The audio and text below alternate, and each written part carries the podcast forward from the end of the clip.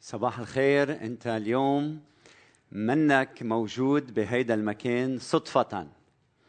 ربنا عينه سهرانة عليك وعليك وعنده رسالة لك اليوم. ففي ورقة بين إيديكم إن شاء الله تكون عم تساعدكم خلال العظة. افتحوا معي رسالة العبرانيين الفصل 12 وعنوان عظتي كيف نعبد؟ كيف نعبد؟ فبدي اقرا عليكم نص اليوم هو تحفة أدبية لاهوتية بتشكل برأيي ذروة رسالة العبرانيين مكتوبة بإتقان شديد وبتحمل معاني لاهوتية عميقة جدا جدا لحياتنا. رسالة العبرانيين 12 ابتداء من العدد 18 النص ربما صعب للبعض. فرح نشرحه خلال العظة. لأنكم لم تأتوا إلى جبل ملموس مضطرم بالنار وإلى ضباب وظلام وزوبعة وهتاف بوق وصوت كلمات. استعفى الذين سمعوه من أن تزاد لهم كلمة لأنهم لم يتحملوا أو يحتملوا ما أمر به. وإن مست الجبل بهيمة ترجم وبين مزدوجين أو ترمى بسهم. وعم بذكر الكنيسة لما الشعب نال الوصايا من عند الرب على جبل سيناء بحسب خروج الفصل 19 و20 وكان المنظر هكذا مخيفا. حتى قال موسى أنا مرتعب ومرتعد. بل قد أتيتم إلى جبل صهيون إلى مدينة الله الحي أورشليم السماوية وإلى ربوات هم محفل ملائكة وكنيسة أبكار مكتوبين في السماوات وإلى وإلى الله ديان الجميع وإلى أرواح أبرار مكملين وإلى وسيط العهد الجديد يسوع وإلى دم رش يتكلم أفضل. من هابيل هاليلويا. وليبارك الرب هيدي التأملات إلى قلوبنا في صباح هيدا اليوم المبارك. أخوتي هيدا النص اللاهوتي اللي قريته عليكم انتبهوا معي يقع في وسط هو اللب في وسط لائحة من التوصيات الرعوية إلى علاقة بسلوكنا المسيحي. فإذا بتقروا ما قبل وما بعد الحديث عن كيف نحن لازم نسلك كمؤمنين بالرب يسوع المسيح. فمثلا بقول لنطرح كل ثقل والخطية المحيطة بنا العدد الأول لنجري بصبر في السباق لتثبت عيوننا على يسوع لا تحتقر تأديب الرب قوموا الأيادي المسترخية شددوا الركب الضعيفة اتبعوا السلام مع الجميع والقداسة التي من دونها لن يرى أحد الرب. بعدين بيقول انتبهوا بالعدد 15 ألا يسقط أحد من النعمه الإلهية؟ انتبهوا ألا يكون فيكم زانيا كل هيدي التوصيات عم بحطها قبل هيدا النص اللي قريته عليكم ومن بعد هيدا النص عدد 25 عم بيقول انظروا ألا ترفضوا الذي يتكلم إليكم أي الله. عدد 28 ليكن عندكم شكر. به نخدم الله خدمة مرضية إل لتثبت المحبة الأخوية. لا تنسوا إضافة الغرباء. اذكروا المقيدين. ليكن الزواج مكرما. لتكن سيرتكم خالية من محبة المال. فشو عم يعمل كاتب الرسالة؟ كاتب الرسالة عم بيوصينا عم بيشجعنا إنه نسلك بأمانة نسلك بقداسة نحافظ على إيماننا. ما ننكر المسيح حتى بوسط الاضطهاد نعيش بأمانة كاملة.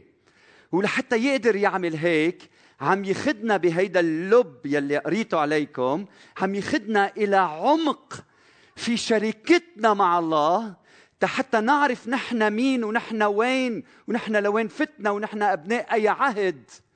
لنقدر من خلال هيدا الاختبار مع الله نسلك سلوك مقدس بحياتنا. فلاهوتنا الصحيح يترجم بعبادة صحيحة والعبادة الصحيحة بتظهر بالسلوك المقدس. فاختبارنا مع الله هو أساس السلوك المسيحي. آمين؟ إذا بنطلع على هيدا النص هيدا النص مقسوم لقسمين. القسم الأول بيبدأ بالعدد 18 بعبارة لأنكم لم تأتوا. شفتوها؟ عدد 18 لأنكم لم تأتوا. القسم الأول بلش هونيك. القسم الثاني ببلش بالعدد 22 بل قد أتيتم. فعم بيقلنا لما جيتوا للإيمان لما فتوا على الكنيسة اليوم أنتم في محل أتيتم إليه في محل لم تأتوا إليه. فعم بيقلنا لوين نحن ما جينا ولوين نحن جينا. هلا تأتوا هيدا الفعل باليوناني بروسيرخومي هيدا الفعل لما معروف معناته لكن برسالة العبرانيين لما بتدرس هيدا الفعل دايما دايما دايما مرتبط بقدوم الشعب أمام الله بالعبادة. يعني الكاتب الرسالة عم يعمل مقارنة اليوم ما بين قدوم الشعب كما اختبره في القديم. في عبادته ومقارنة بين هيدا وما بين قدومنا نحن كتلاميذ الرب يسوع المسيح المؤمنين بيسوع بشركة معه بالعبادة قدومنا يلي بيحمل طابع مختلف تماما كما سنرى اليوم. وصية العهد القديم القسم الأول بينتهي بوصية العهد القديم. مين وصية العهد القديم؟ موسى. بالعدد 21 قال موسى أنا مرتعب ومرتعد هيدا وصية العهد الأول. والقسم الثاني بينتهي بيسوع وصية العهد الجديد عدد 24 وإلى وصية العهد الجديد يسوع وإلى دم رش هذا دم يسوع يتكلم أفضل من هابيل. فبدي ساعدك اليوم تدرك الفرق بينهما. لاحظوا الجو العام. النغمة بالقسم الأول هي نغمة شو؟ خوف رعب اضطراب ضباب بعد. والجو بالقسم الثاني هو جو النعمة الفرح الابتهاج الانتصار. حتى انه الملائكة بالعدد 22 هم مجتمعون في حفلة عيد. فهلا أنت وعم تسمع لكلمة الحياة اليوم. اسأل حالك أنت بعدك بالقديم ولا دخلت على الجديد؟ كيف بدنا ندرس هذا النص اليوم؟ بدي ادرسه معكم على الشكل التالي. بالقسم الأول من هيدا النص في قدامنا سبعة عناصر بيذكرون الكاتب بدقة.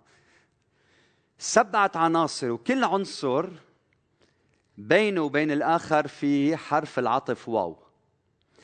والهدف من هالسبعة عناصر يلي بقدم لنا إياهم هو لكي يظهر لنا كم أن مشهد الاقتراب من الله هو مشهد مخيف جدا. هذا القسم الأول. القسم الثاني في سبع صور وأيضا في حرف عطف بين كل صورة بهدف أنه يقدم لنا روعة وجمال والبهجة والانتصار يلي منختبره بنعمة العهد الجديد. آمين؟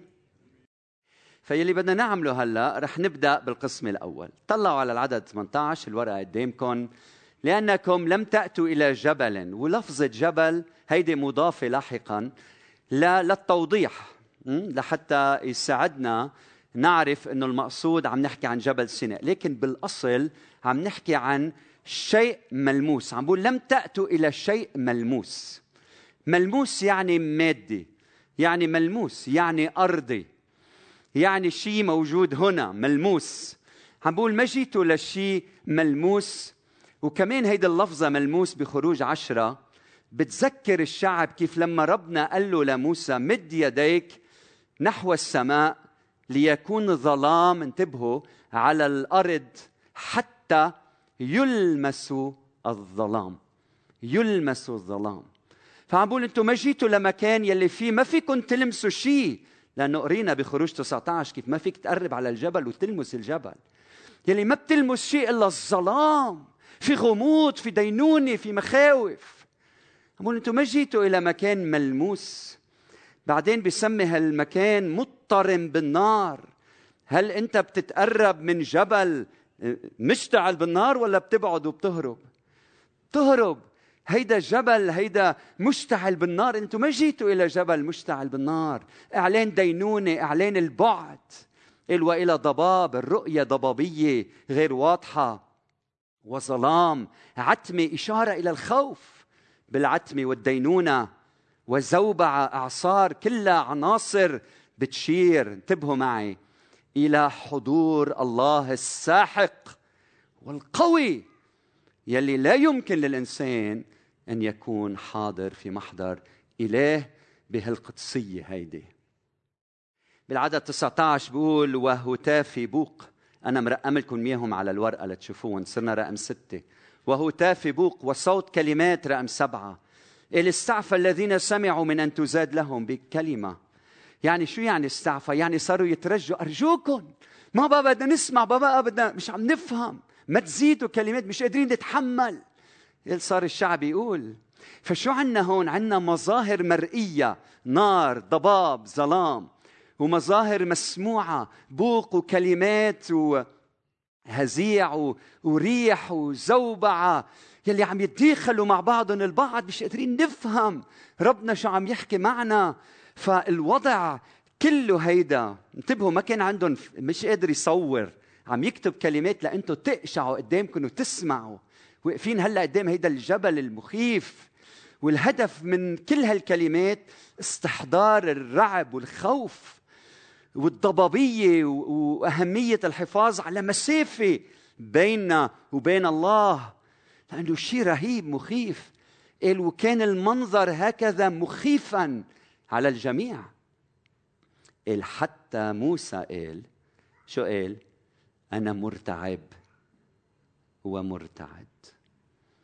فالتطبيق لنا اليوم هل أنت هيدا شعورك تجاه ربنا؟ بعدك بتشوف ربنا بعيد مخيف ربنا نار آكلة انتبهوا هيدي حقيقة. هل بتشوفوا الله الغضبان على خطايانا؟ إذا هيدا شعورك هيدا اختبارك إلى الآن أنت بعدك بالعهد القديم. أنت بالعهد القديم. وهلأ بالعدد 22 عم بيقلنا لكن المؤمن بالرب يسوع المسيح اللي عابد انتبهوا بينظم عبادته بالكنيسة وبالجماعة بناء على إعلان مختلف هو إعلان انكشف لنا في العهد الجديد. فبالعدد 22 بيقول بل قد أتيتم. لم تأتوا بل قد أتيتم. هون المفارقة الحادة بين حقيقتين. القديم والجديد. ولما بقول بل قد أتيتم وهلأ بيقدم لنا سبع صور ولا أروع من هيك الهدف من هيدي الصور يشدنا إلى الاقتراب إلى محضر الله. اتكالنا على نعمة دم الرب يسوع المسيح. فخلينا ندرس مع بعض هود الصور السبعة. المشهد الأول أو الصورة الأولى بيقول جبل صهيون تحديدا مدينة الله الحي أي أورشليم السماوية. انتبهوا ما عم يحكي عن أورشليم الأرضية عم يحكي عن أورشليم السماوية. هودي ثلاث عبارات. جبل صهيون مدينة الله أورشليم السماوية. هو ثلاث عبارات مجازية لحقيقة واحدة. شو هي؟ سكن الله بين الناس. سكن الله بيننا. جبل صهيون. شو جبل صهيون؟ هونيك كان تابوت العهد. تابوت العهد إشارة لحضور الله بيننا صح؟ شو يعني جبل صهيون؟ جبل صهيون لما بتفكر فيه مش مثل جبل سينا في رعب وخوف. شو في بجبل صهيون؟ في صعود الشعب إلى العيد في فرح في ابتهاج في صلوات في حضور الله بيننا. مدينة الله الحي.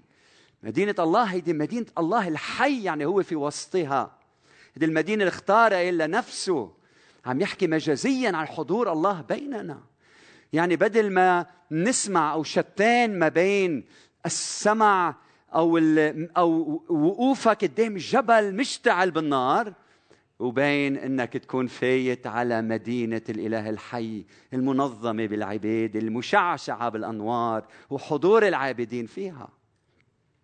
بعدين عم بيقول مش بس مدينة الله الحي عم بيسميها أورشليم السماوية. فهو ما عم يحكي عن أورشليم الموجودة بجنوب لبنان عم يحكي عن أورشليم السماوية. وهيدي حقيقة كتير مهمة. ليش سماوية؟ يعني مش ملموسة مادية. لا هي سماوية هو اختبار روحي. سماوية لأنه بذكرنا بسفر الرؤيا. يلي فيه يوحنا لما شاف الرؤيا شاف شو؟ أورشليم النازلة أورشليم السماوية نازلة من فوق. طب شو صار لما شاف أورشليم نازله عليه؟ سمع صوت. شو عم بقول هالصوت؟ هو ذا مسكن الله مع الناس. وهم يسكنون وهو يسكن معهم. وهم يكونون له شعبا وهم وهم يكونون له شعبا وهو يكون لهم إلها معهم ولهم. فلما نحكي عن جبل صهيون عم نحكي عن مدينة أورشليم تعابير مجازية تيقلنا أنتوا هلأ بمحضر الله. الله ساكن في وسطكم. سؤالي لك لما بتدخل لهالمكان لتعبد الرب هل عم تشعر بحضور الله في الوسط؟ فهدفي شجع الكنيسة لتجتمع في العبادة. الله حاضر في الوسط. المشهد الثاني لكن المشهد الأول عم بيقول لنا أنتم ما فتوا إلى مكان مادي أنتم دخلتوا السماء عينها.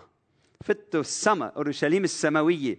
يعني إما أورشليم نزلت لعنا السماوية أو نحن صرنا بالسماء. يعني نحن طلعنا هي نزلت. بس هالاختبار الروحي العميق.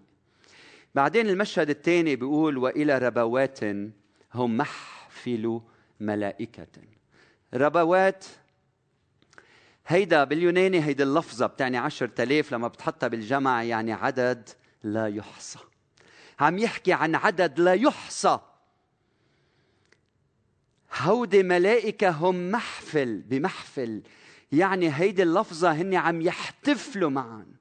هودي الملائكة عم بيسبحوا معا. هودي الملائكة عم يهتفوا بفرح لما صنع يسوع على الصليب من أجلنا. يعني بعد مرة شتان ما بين أصوات بوق وريح وكلمات مش مفهومة ما بين وما بين جوقة ملائكة تسبح على إيقاع ما صنع الرب يسوع المسيح من أجلنا وقوة الله وانسكاب الروح. فبدك تفصل بدك تميز بيناتهم. عم بيقول لنا اسمعوا لهيدي شوفوا هيدا المشهد.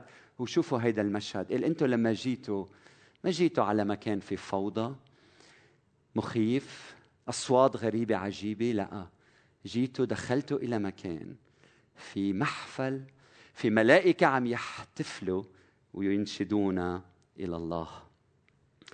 بعدين المشهد الثالث بالعدد 23 بقول وكنيسة أبكار مكتوبين في السماوات. لما انت بتقبل الرب يسوع المسيح انت بتدخل لتعبد مع الكنيسة صح؟ ولاحظوا إنه مش بس الملائكة عم بتقدم عبادتها المؤمنين عم بيقدموا عبادتهم أيضا. يعني قبل كأنه المشهد كان الجبل هون ونار وملائكة ونحن بعيد الملائكة بميل ونحن وين؟ بميل. لكن عم بيقول بالعهد الجديد لما نحن بنجي وبنسجد لك لملك الملوك ورب الأرباب الملائكة معنا بنحتفل بما صنع يسوع من أجلنا. يعني لما كنا عم نسبح قبل شوي مين كان عم بيسبح معنا؟ جوقة الملائكة كانوا عم بيرافقونا بالتسبيح. هيدا المؤمن لما بفوت ليعبد الله بيعبده من كل قلبه. عالم من الملائكة معه. عم بتسبح كنيسة عم بتسبح مع الملائكة لهيدا الإله الحي قل وكنيسة أبكار. كنيسة أبكار. ليش اسمها كنيسة أبكار؟ هيدي الصفة مستخدمة لمين؟ مين البكر؟ لشخص الرب يسوع المسيح. مريم العذراء لما ولدت يسوع ولدت ابنها البكر. برومية 8 بيقول ليكون هو بكرا بين إخوة كثيرين. بكولوسي واحد بيقول هو البداء بكر من الأموات. وبعبرانيين واحد بيقول متى دخل البكر إلى العالم فلتسجد له كل ملائكة الله. فإذا هو الإبن نحن أبناء. إذا هو مخلص نحن مخلصين. إذا هو الحبيب نحن شو؟ الأحباء. وإذا هو البكر نحن كنيسة الأبكار. نحن مخصصين نحن مفروزين لله. نحن كنيسة البكر الرب يسوع المسيح ونحن أخوته. فكنيسة الأبكار المكتوبين في السماوات. مكتوبين هيدي اسم مفعول بزمن الماضي التام والمقصود منا. شو هالتقنية بكتابة هذا النص؟ كلمة الله المقصود منا إنه نحن أسامينا مش مكتوبة بقلم رصاص ممكن واحد يمحيها. لك هي محفورة بالسجلات الإلهية لدرجة إنه مكتوبة بالسماوات ما حدا بيقدر يوصلها ما حدا بيقدر يحرقها ما حدا بيقدر يغيرها ما حدا بيقدر يشوهها. الكل واحد منا نحن الكنيسة الأسامينا مكتوبة في السماوات. يعني أنت لما بتآمن بالمسيح بصير عندك يقين وضمانة أبدية. انتبه. قارنا مع النص مع المشهد الأول. شعب خايف مرتعب متردد مش عارف. وما بين مشهد الثاني يلي فيها نحن كنيسة أبكار المكتوبين في السماوات. لما أنت بتعطي حياتك ليسوع بيصير عندك تأكيد الخلاص. بتصير تعرف حالك إنك أنت رايح لتكون معه إلى الأبد وهو ذهب ليعد لك مكان ومتى أعد لك مكان جاي ياخذك لحتى تكون معه. مش لأنك أنت بار بس لأنه هو بار مش لأنك أنت قديس لأنه هو القدوس مش لأنك أنت منيح لا ابدا ليس من اعمال كي لا يفتخر أحد. أنت لك الحياة الأبدية لأنه دم الرب يسوع المسيح طهرك من كل خطية وأعطاك هالضمانه الأبدية. من هيك حلو اسألك اليوم هل أنت ضامن أبديتك؟ هل أنت أعطيت حياتك للابديه أنا هو الطريق والحق والحياة ليس أحد يأتي إلى الآب إلا بي. هل أعطيت حياتك ليسوع المسيح تيصير اسمك مكتوب في سفر الحياة؟ المشهد الرابع هو وإلى وإلى الله ديان الجميع. وقراءة أفضل وإلى الديان إله الجميع. هذا هو الديان العائلة البشرية كلها هو الله إله الجميع. هيدي العبارة برايي كثير مهمة. كثير مهمة ليلي عايشين بيناتنا وعم يحتقروا كلام ربنا. عم يحتقروا كلام المسيح. عم يحتقروا ما صنع يسوع من أجلنا. عم يحتقروا ابن الله. هيدي شغلة كثير مهمة يتذكروا أن الله ديان الجميع. بيقول برسالة العبرانيين الفصل العاشر العدد 21 فكم عقابا أشر؟ تظنون أنه يحسب مستحقا من داس ابن الله. وحسب دم العهد الذي قدس به دنسا وازدرى بروح النعمة. إذا أنت دخلت إلى مكان في ابتهاج وفرح حضور الله بالنعمة الله حاضر أجمل اختبار لأن السماء والأرض عم يتلاقوا معا بهذا المكان. ما تنسى إذا أنت ما اختبرت نعمة الله وازدريت بهيدي النعمة إلهنا نار آكلة. المشهد الخامس وإلى أرواح أبرار مكملين. هودي هن المؤمنين يلي ماتوا قبل مجيء المسيح أو المؤمنين يلي ماتوا قبل كتابة الرسالة إذا بدكم فهودي هن أرواح أبرار تبرروا كأنه اسكاتولوجيا عم بقول قطعوا بالدينونة وتبرروا أمام الله بدم الرب يسوع المسيح ومكملين. مكملين يعني بقربان واحد الرب يسوع المسيح أكمل الأبد المقدسين. هود اللي ماتوا بالعهد القديم على رجاء. مجيء المسيا المنتظر المسيح كملهم بموته على الصليب من أجلنا. فلاحظوا هون عندنا تشديد على الكنيسة الكونية. أنت منك منفصل عن الكنيسة الكونية. لما بتجي لعند الرب يسوع المسيح شو ما كانت خلفيتك؟ انت بتصير جزء عضو بكنيسة محلية وكنيسة كونية. يلي البعض منا كثير منا على 2000 سنة صاروا عند ربنا وقبل يلي آمنوا على رجاء مجيء المسيح المبارك. المشهد السادس هو المشهد بالعدد 24 بقول وإلى وسيط العهد الجديد يسوع. هلأ التركيبة هون إذا بتقرأ كل الوقت ترك يسوع للآخر للتشديد على أهمية الرب يسوع المسيح. هو إله العهد الجديد والأخير وهو الرب يسوع المسيح. عم بيقول لنا أساس الاحتفال والدخول إلى محضر الله هو يسوع الوسيط. أساس الفرح والابتهاج. مين أساس الضمان الأبدية؟ عم بيقول لنا يسوع هو الأساس كل شيء هو الوسيط. فترك كلمة يسوع على الآخر بتترك الخمر الجيدة للآخر. لما قال وإلى وسيط العهد كانت تنقرأ هيدي الرسائل. لما بيقول إلى وسيط العهد اليهودي اللي عم يسمع دغري بيقول موسى. وسيط العهد مين؟ موسى. لما قال وسيط العهد الجديد آه عهد جديد. يعني هداك قديم. مين وسيط العهد الجديد؟ يسوع. هللويا. استعمل لفظة يسوع تيحكي عن إنسانيته ليسوع. لأنه يسوع الإله اللي تجسد بيناتنا. إجا بوقت معين بتاريخ معين بمكان معين. تجسد صار إنسان. لحتى هيدا الإله الإنسان بإيده الإلهية يكون الوسيط بين الله والناس يمسك يد الله وبإيده الإنسانية يمسك الإنسان. فالإله الإنسان صار هو وسيطنا الوحيد. ليس لنا وسيط إلا الله لنا إله واحد.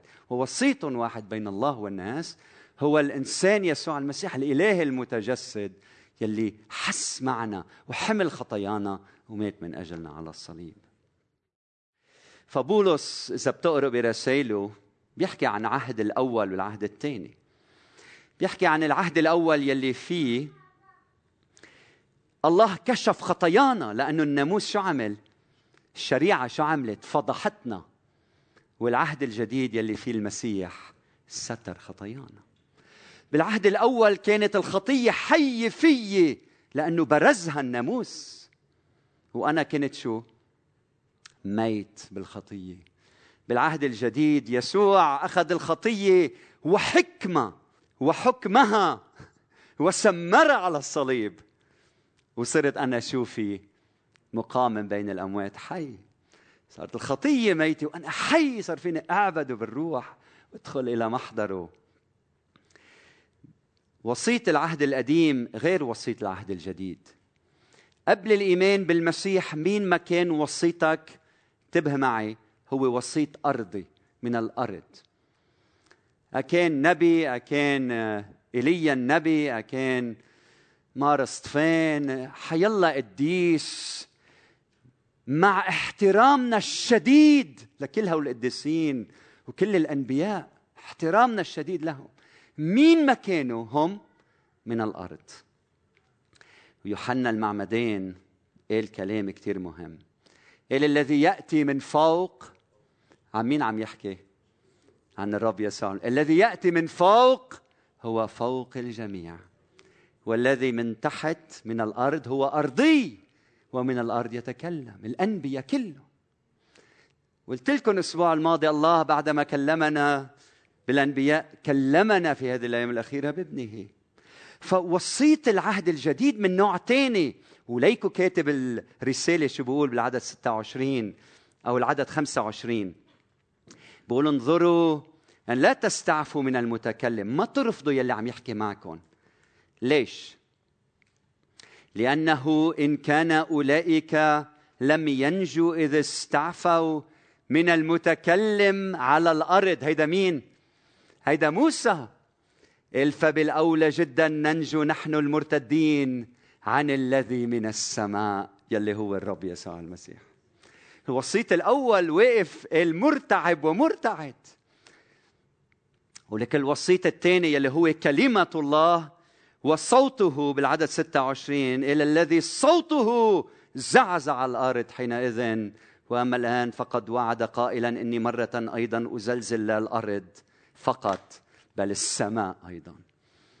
شتان ما بين موسى وملك المجد. رب الأنبياء الرب يسوع المسيح. المشهد الأخير أخوتي هو مشهد بصوره على هالشكل. بقول وإلى دم رش يتكلم أفضل من هابيل. يتكلم بزمن الحاضر. هيدا الدم بعده لهلأ يتكلم. قايين أتى الهابيل لما هابيل مات دمه ارتفع إلى السماء. عم نحكي مجازيا. طالبا الانتقام للظلم يلي صار معه صح؟ شو كانت النتيجة؟ ربنا قال له لقايين ملعون. لعنه لقايين. لكن عنا دم رش هلأ يتكلم أفضل من هابيل لما الرب يسوع المسيح تعلق على الصليب وارتفع دمه إلى الحضرة الإلهية. بدل ما يصرخ بالانتقام صرخ بالرحمة والغفران والمصالحة لكل واحد منا. إيه اغفر لهم يا ابتاه لأنهم لا يدرون ماذا يفعلون. وبدل ما تنزل اللعنة الإلهية نزلت البركة الإلهية على كل من يؤمن بالرب يسوع المسيح. من هيك دم يسوع أفضل بكثير من دم هابيل. أخوتي لما نتأمل بهيدا النص لما ندخل إلى هيدا المكان لما بتعطي حياتك ليسوع هيدا هو الدرس. لما بتعطي حياتك يا ابن العهد الجديد باب السماء يفتح وبتختبر حضور الله بالنعمه باب السماء بيفتح وبتشترك مع الملائكة مع الكنيسة الكونية. بعبادتك لهيدا الإله يلي خلصنا وأعطانا الحياة الأبدية. ومش بس بيفتح باب السماء بيفتح باب قلبك تجاه أخوتك. لحتى تصير جزء من كنيسة الأبكار كنيسة مقدسة يلي فيها بتتصالح مع خيك. بصليب ربنا يسوع المسيح. فكيف نعبد؟ نعبد بالشكر والامتنان. نعبد بالفرح والتهليل. نعبد من كل قلوبنا. نعبد نعبد واثقين أن الرب ضمن حياتنا الأبدية. إذا واحد بيعطينا قرشين بنقول له 100 مرة شكرا لك إذا واحد أعطانا الأبدية كلها شو بنعمل؟ نعطي حياتنا وعمرنا ومنسبح ومنمجد لاسمه المبارك منفرح بمحضره. ولك منغطس بهالحضن الأبوي السماوي. ولما بتعمل هيك تروك موجات الروح تغمرك وتروي كل كيانك. ولكن لما بتدخل بهالعلاقة الحميمه مع ربنا بتبطل تعرف تسب وتبطل تعرف تزني وتبطل تعرف تخطي وتبطل تعرف تبعد. وبصير سلوكك مقدس. لأنه هلأ صار عندك هالعلاقة العميقة مع إله حاضر كل يوم بحياتك. كنيسة القيامة نحن أبناء العهد الجديد. هللويا. خلونا نحن رؤوسنا في الصلاة. وبدي أدعيك تكون عابد حقيقي للرب يسوع المسيح تكون عابد لهالإله يلي حبك وأعطى حياته من أجلك. باب السماء مفتوح اليوم لحتى نشترك على الملائكة بعبادة صادقة حقيقية ببيتك بكنيستك. قدم عبادة صادقة من كل القلب. تجاوب مع هيدي الرسالة اليوم. الرب يملأك بالفرح والابتهاج بالتأكيد إنه أنت ابنه أنت بنته إلى الأبد. على الرغم من الخطايا اللي عملتها وعملناها المسيح افتدينا بدمه. رفع عنا اللعنة. فاض علينا ببركاته الروحية. أعظم امتياز يعطى للإنسان انك تكون بمحضر وعابد له مع الملائكة الجوقة السماوية بمحضر إله حبك إلى المنتهى.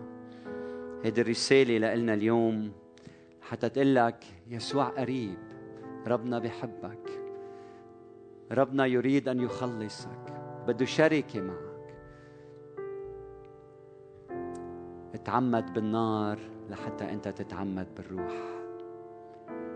حمل عقاب خطايانا لتنال انت الحياة. ويا مؤمن يا مؤمن كيف عبادتك؟ بتخلينا نعرف كيف سلوكك.